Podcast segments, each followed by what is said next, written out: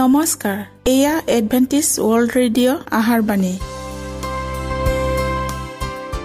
ষোল্ল মিটাৰ বেণ্ডত সোতৰ হাজাৰ আঠশ দহ কিলো হজত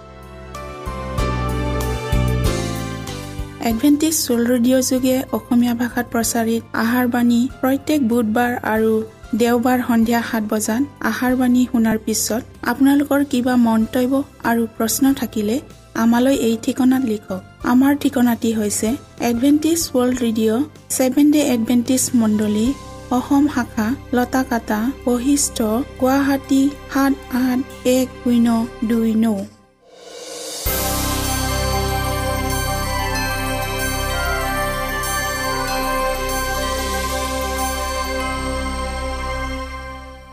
প্ৰিয় শ্ৰোতা বন্ধুসকল এতিয়া শুনো আহক এটি খ্ৰীষ্টীয় ধৰ্মীয় গীত।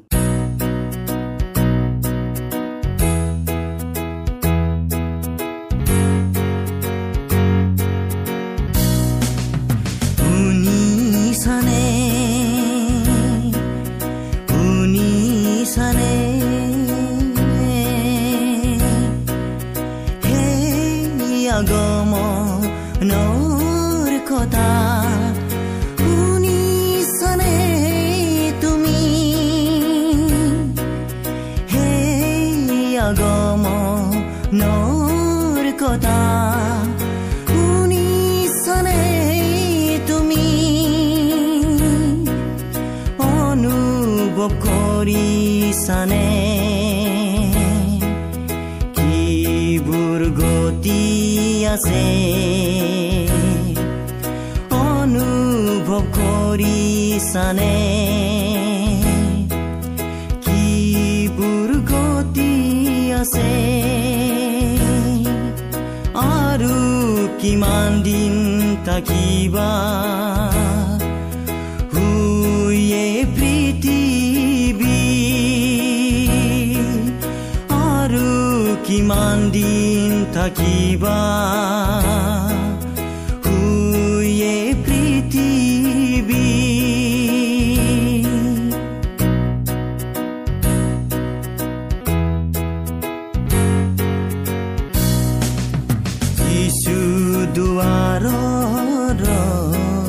see.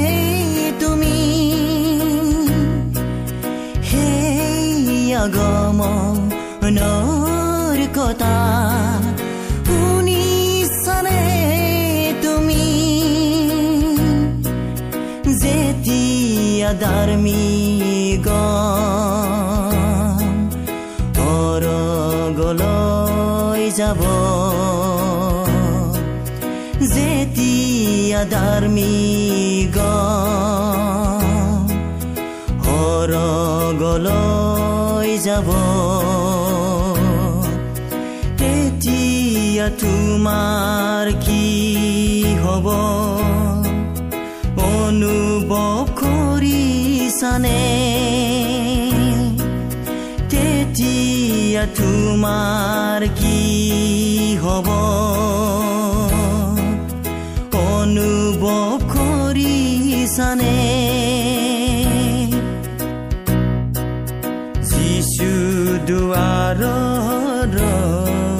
আছে। হয় তেওঁ ৰৈ আছে। যিচু দুৱাৰত ৰৈ আছে। হয় তেওঁ ৰৈ আছে। তোমাক গ্ৰহণ কৰিব।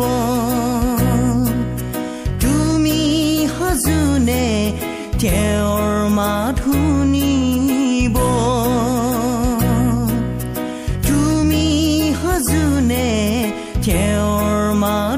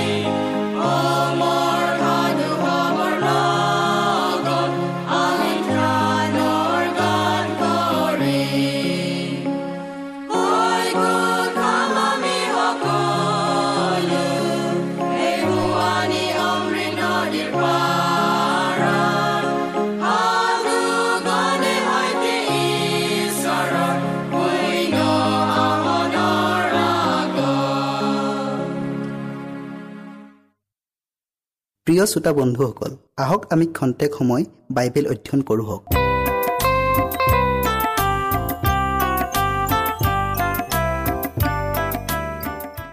আজিৰ আমাৰ বিষয়টি হ'ল সেই ক্ৰুচৰ বাণী। বাইবেল পত্ৰি লোৱা হৈছে গালাচিয়া ছয় অধ্যায়ৰ চৈধ্য পদ। কিন্তু আমাৰ প্ৰভু যীশু খ্ৰীষ্টৰ ক্ৰুচত বাজে।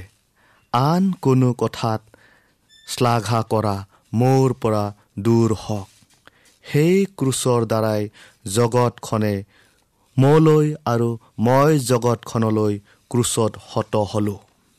বিষয়টিলৈ আগবঢ়াৰ আগতে আমি প্ৰাৰ্থনা কৰি লওঁ হওক। স্বৰ্গত থকা জীৱনময় গৰাকী ঈশ্বৰজী হোৱা ধন্যবাদ প্ৰভু তোমাৰ অনন্তকলীয়া আশীৰ্বাদৰ বাবে। প্ৰভু এতিয়া আমি যি বিষয়টিলৈ অধ্যয়ন কৰিবলৈ আগবঢ়াইছোঁ তুমি আমাক সেই বিষয়টিলৈ বুজিবলৈ জ্ঞান আৰু বুদ্ধি দিয়া। প্ৰত্যেক শ্ৰোতাৰ লগত তুমি পবিত্ৰ আত্মাৰ যোগেদি থাকিবা আৰু হৃদয় স্পৰ্শ কৰি দিবা। যীশুৰ নামত খুজিলোঁ আমেন। আপোনাক মূল্যেৰে কিনা হ'ল আৰু আপোনাৰ যি সকলো আছে সেইবোৰ ঈশ্বৰৰ গৌৰৱৰ অৰ্থে আৰু আপোনাৰ নিচিনা আন মানুহৰ মংগলৰ অৰ্থে ব্যৱহাৰ হোৱা উচিত। পাপত ধ্বংস হ'বলৈ ধৰা জগতখনক উদ্ধাৰ কৰিবলৈ কৃষ্ট ক্ৰুচত মৃত্যুবৰণ কৰিছিল। এই কাৰ্যত তেওঁ আপোনাৰ সহযোগ কামনা কৰিছে। আপুনি তেওঁৰ সহায়ৰ হাত হ'ব লাগে। আন্তৰিকতাৰে সৈতে অবিৰাম প্ৰচেষ্টাৰে পাপত হেৰাই যোৱাসকলক উদ্ধাৰ কৰা কাৰ্যত আপুনি মনোযোগ দিব লাগে। যিজনে নিজকে ঈশ্বৰৰ কাৰ্যত সমৰ্পণ কৰে পৰিৱৰ্তন সাধিব পৰা ঈশ্বৰৰ অনুগ্ৰহৰ শক্তিয়ে সেই ব্যক্তিজনক গলাই এক নতুন ৰূপ প্ৰদান কৰে। তেওঁৰ চাৰিওফালে ধ্বংস হ'বলৈ ধৰা মানুহখিনিৰ নিচিনা তেওঁ আৰু নহয়। তেওঁ এতিয়া উপলব্ধি কৰিব পাৰে যে তেওঁৰ প্ৰতিটো অংগ প্ৰত্যংগবোৰ এতিয়া আৰু নিজৰ নহয়। সেইবোৰ কৃষ্টৰ হ'ল। যিজনে তেওঁক পাপৰ দাসত্বৰ পৰা মুক্তি দান দিলে সেই মুহূৰ্তৰ পৰাই তেওঁ ভৱিষ্যতক ঈশ্বৰৰ একমাত্ৰ পুত্ৰৰ অমূল্য জীৱন তেজে কিনি পেলালে। আপোনাৰ অন্য কামবোৰতকৈ মানুহৰ জীৱন উদ্ধাৰ কৰা কাৰ্যটোক অধিক গুৰুত্ব দিব পৰাকৈ সেই কালবাৰীত যি মহান বলিদান দিয়া হ'ল আপুনি সেই বলিদানৰ মূল্যক সমাদাৰ কৰেনে? যেনেদৰে পাপীসকলক উদ্ধাৰ কৰাটোৱে কৃষ্টৰ জীৱন অভিপ্ৰায় আছিল। তেনেদৰে তেওঁৰ প্ৰকৃত অনুসৰণকাৰী সকলৰো জীৱনৰ অভিপ্ৰায় পাপীসকলক উদ্ধাৰ কৰাটোৱে। আপুনি ভাবেনে? প্ৰকৃত খ্ৰীষ্টানৰ নিজৰ বাবে জীয়াই থকাৰ অভিলাষ নাই। তেওঁৰ যিবোৰ আছে সেই সকলোবোৰকে নিজ গৰাকীৰ কাৰ্যত ব্যৱহাৰ কৰিবলৈ তেওঁ আনন্দ পায়। মানুহৰ জীৱনবোৰক কৃষ্টৰ ওচৰলৈ আনিবলৈ তেওঁ এক অৱৰ্ণনীয় ঈৰ্ষাৰ দ্বাৰাই চালিত হয়। মই যাৰ দ্বাৰা সৃষ্টি হ'লোঁ আৰু যাৰ দ্বাৰা ত্ৰাণপ্ৰাপ্ত হ'লোঁ সেইজনক সৰ্বপ্ৰকাৰে কিদৰে মই গৌৰৱ কৰিম প্ৰশংসা কৰিম? সেই প্ৰশ্নটিকে আমি নিজকে সুধি চোৱা উচিত। যিজনে পৰম ইচ্ছুকতাৰে প্ৰকৃতভাৱে কৃষ্ট গ্ৰহণ কৰিলে। সেই ব্যক্তিজনে যিসকলে এতিয়াও ছয়তানৰ শক্তিত আবদ্ধ হৈ আছে তেওঁবিলাকক উদ্ধাৰ কৰিবলৈ চেষ্টা চলাব। অনন্তকলীয়া জীৱনৰ বাবে প্ৰস্তুত কৰি ল'বলৈ এতিয়া আমাৰ হাতত সময় অলপহে আছে। মানুহৰ বাবে সত্য বাক্যৰ প্ৰয়োজন হৈছে আৰু আন্তৰিকতা আৰু বিশ্বস্ততাৰে প্ৰচেষ্টাৰে আমি তেনে মানুহৰ ওচৰলৈ যাব লাগিব। প্ৰাৰ্থনাৰে পৰিশ্ৰমেৰে মানুহৰ জীৱনবোৰক বিচাৰি ফুৰিব লাগিব। পৃথিৱীৰ ওপৰত যে এক ভয়ানক দুৰ্যোগ আহি আছে সেই সতৰ্কতাৰ বাণী ঘোষণা কৰাৰ এক গধুৰ দায়িত্ব আমাৰ কাণ্ডত পৰিছে। ঈশ্বৰে নিজৰ মণ্ডলীবোৰক আহ্বান কৰিছে যাতে সিহঁত হাৰ পাই উঠে আৰু শক্তিৰ বস্ত্ৰেৰে যেন নিজকে অবৃত্ত কৰি লয়। অমৰণশীলতা মুকুট জয় কৰিব লাগিব। স্বৰ্গ ৰাজ্য লাভ কৰিব লাগিব। অমনোযোগিতা আৰু অৱহেলাত ধ্বংস হ'বলৈ ধৰা জগতখনক শিকাব লাগিব। জহন চাৰি অধ্যায়ৰ একৈছ পদটো আকোবাৰ আমি পঢ়ো হওক। যিজনে ঈশ্বৰক প্ৰেম কৰে তেওঁ আপোন ভাইকো প্ৰেম কৰক।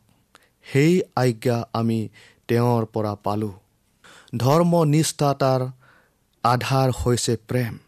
বৃত্তি যিয়েই নহওক যেতিয়ালৈকে তেওঁ নিস্বাৰ্থ প্ৰেমেৰে নিজ ভায়েকক প্ৰেম কৰিব নোৱাৰে তেতিয়ালৈকে কোনেও শুদ্ধ প্ৰেমেৰে ঈশ্বৰক প্ৰেম কৰিব নোৱাৰে। যেতিয়া অহং স্বভাৱ ময়বৰ ভাৱ কৃষ্টত বিলীন হৈ যায় প্ৰেম তেতিয়া নিজৰাৰ দৰে স্বতফূৰ্তভাৱে নিগৰি ওলাই আহে। ভিতৰৰ পৰা যেতিয়া আনক সহায় কৰা আৰু আশীৰ্বাদ কৰাৰ অনুভূতি অহৰহভাৱে ওলাই থাকিব। যেতিয়া স্বৰ্গৰ পোহৰেৰে হৃদয়খন পৰিপূৰ্ণ হ'ব আৰু এই পোহৰ মুখমণ্ডলত প্ৰকাশিত হ'ব তেতিয়াহে খ্ৰীষ্টান চৰিত্ৰই সম্পূৰ্ণতা পায়। খ্ৰীষ্টৰ সৈতে বান খাই থকাৰ অৰ্থ হ'ল প্ৰেমৰ সোণালী শিকলিৰে আন মানুহবোৰক নিজৰে সৈতে বান্ধি ৰখা। তেতিয়া খ্ৰীষ্টৰ প্ৰেম আৰু দয়াবোৰ আমাৰ জীৱনত দৃশ্যমান হ'ব। অভাৱী আৰু দুৰ্ভগীয়াবোৰ আমাৰ ওচৰলৈ আহক বুলি আমি অপেক্ষা কৰি থাকিব নালাগিব। সিহঁতে নিজৰ ভুলৰ বাবে অভিশাপ পাইছে বুলি আমি কেতিয়াও ভবা উচিত নহয়। খ্ৰীষ্টই যেনেকৈ মংগল ভাল কাৰ্যবোৰ কৰি গৈছিল তেনেকৈ আমিও স্বাভাৱিকভাৱে এই মংগল কাৰ্যবোৰ কৰি যোৱা উচিত। স্বৰ্গৰ মহিমাৰ কামে হৈছে পৰি যোৱাজনক তুলি ধৰা কষ্ট পোৱাজনক সান্তনা দিয়া। কোনো জাতি সম্প্ৰদায় ভাষা বৰ্ণ আদিক ঈশ্বৰে চিনি নাপায়। সৃষ্টিত সকলো মানৱ সন্তানে এটা পৰিয়ালৰ অন্তৰ্ভুক্ত আৰু পৰিত্ৰাণৰ কাৰ্যৰ মাজেৰে আমি সকলোৱে এক।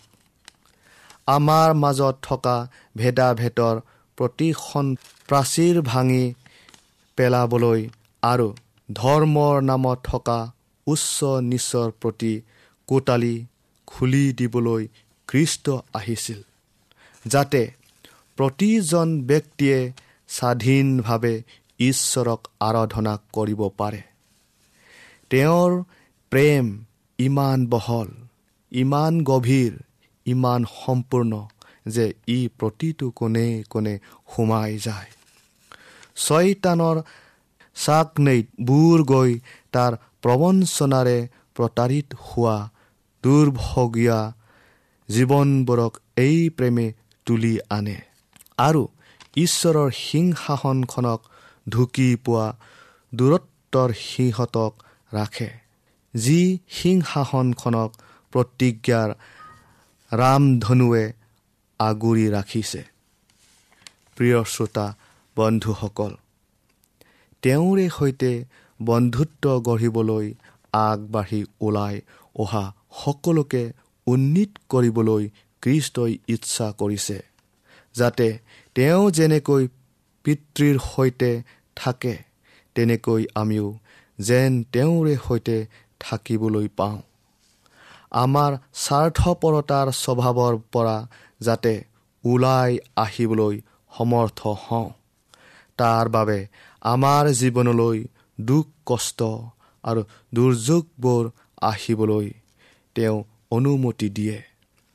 তেওঁৰ চৰিত্ৰৰ প্ৰেম কোমলতা নম্ৰতা আৰু দয়া আদি গুণবোৰ আমাৰ চৰিত্ৰত যেন কোপনি পুতি বৃদ্ধি পায়। তাক তেওঁ কামনা কৰে। বাহিনীবিলাকৰ জীহুৱাই এই কথা কৈছে তুমি যদি মোৰ পথত চলা আৰু মোৰ পালনীয়বোৰ পালন কৰা তেনেহ'লে তুমি মোৰ গৃহটিৰ কাৰ্য চলাবা। মোৰ চোতালখন ৰাখিবা আৰু থিয় হৈ থকা এইবিলাকৰ মাজত মই তোমাক ওচৰলৈ আহিবৰ অধিকাৰ দিম। স্বৰ্গদূতগণৰ সহিত পৃথিৱীৰ কৰা সিহঁতৰ কামত আমি যোগ দিয়াৰ দ্বাৰাই সিহঁতৰ সৈতে স্বৰ্গটো একেলগে থাকিবলৈ আমি নিজকে প্ৰস্তুত কৰোঁ হওক। ঈশ্বৰে আপোনালোকক আশীৰ্বাদ কৰক।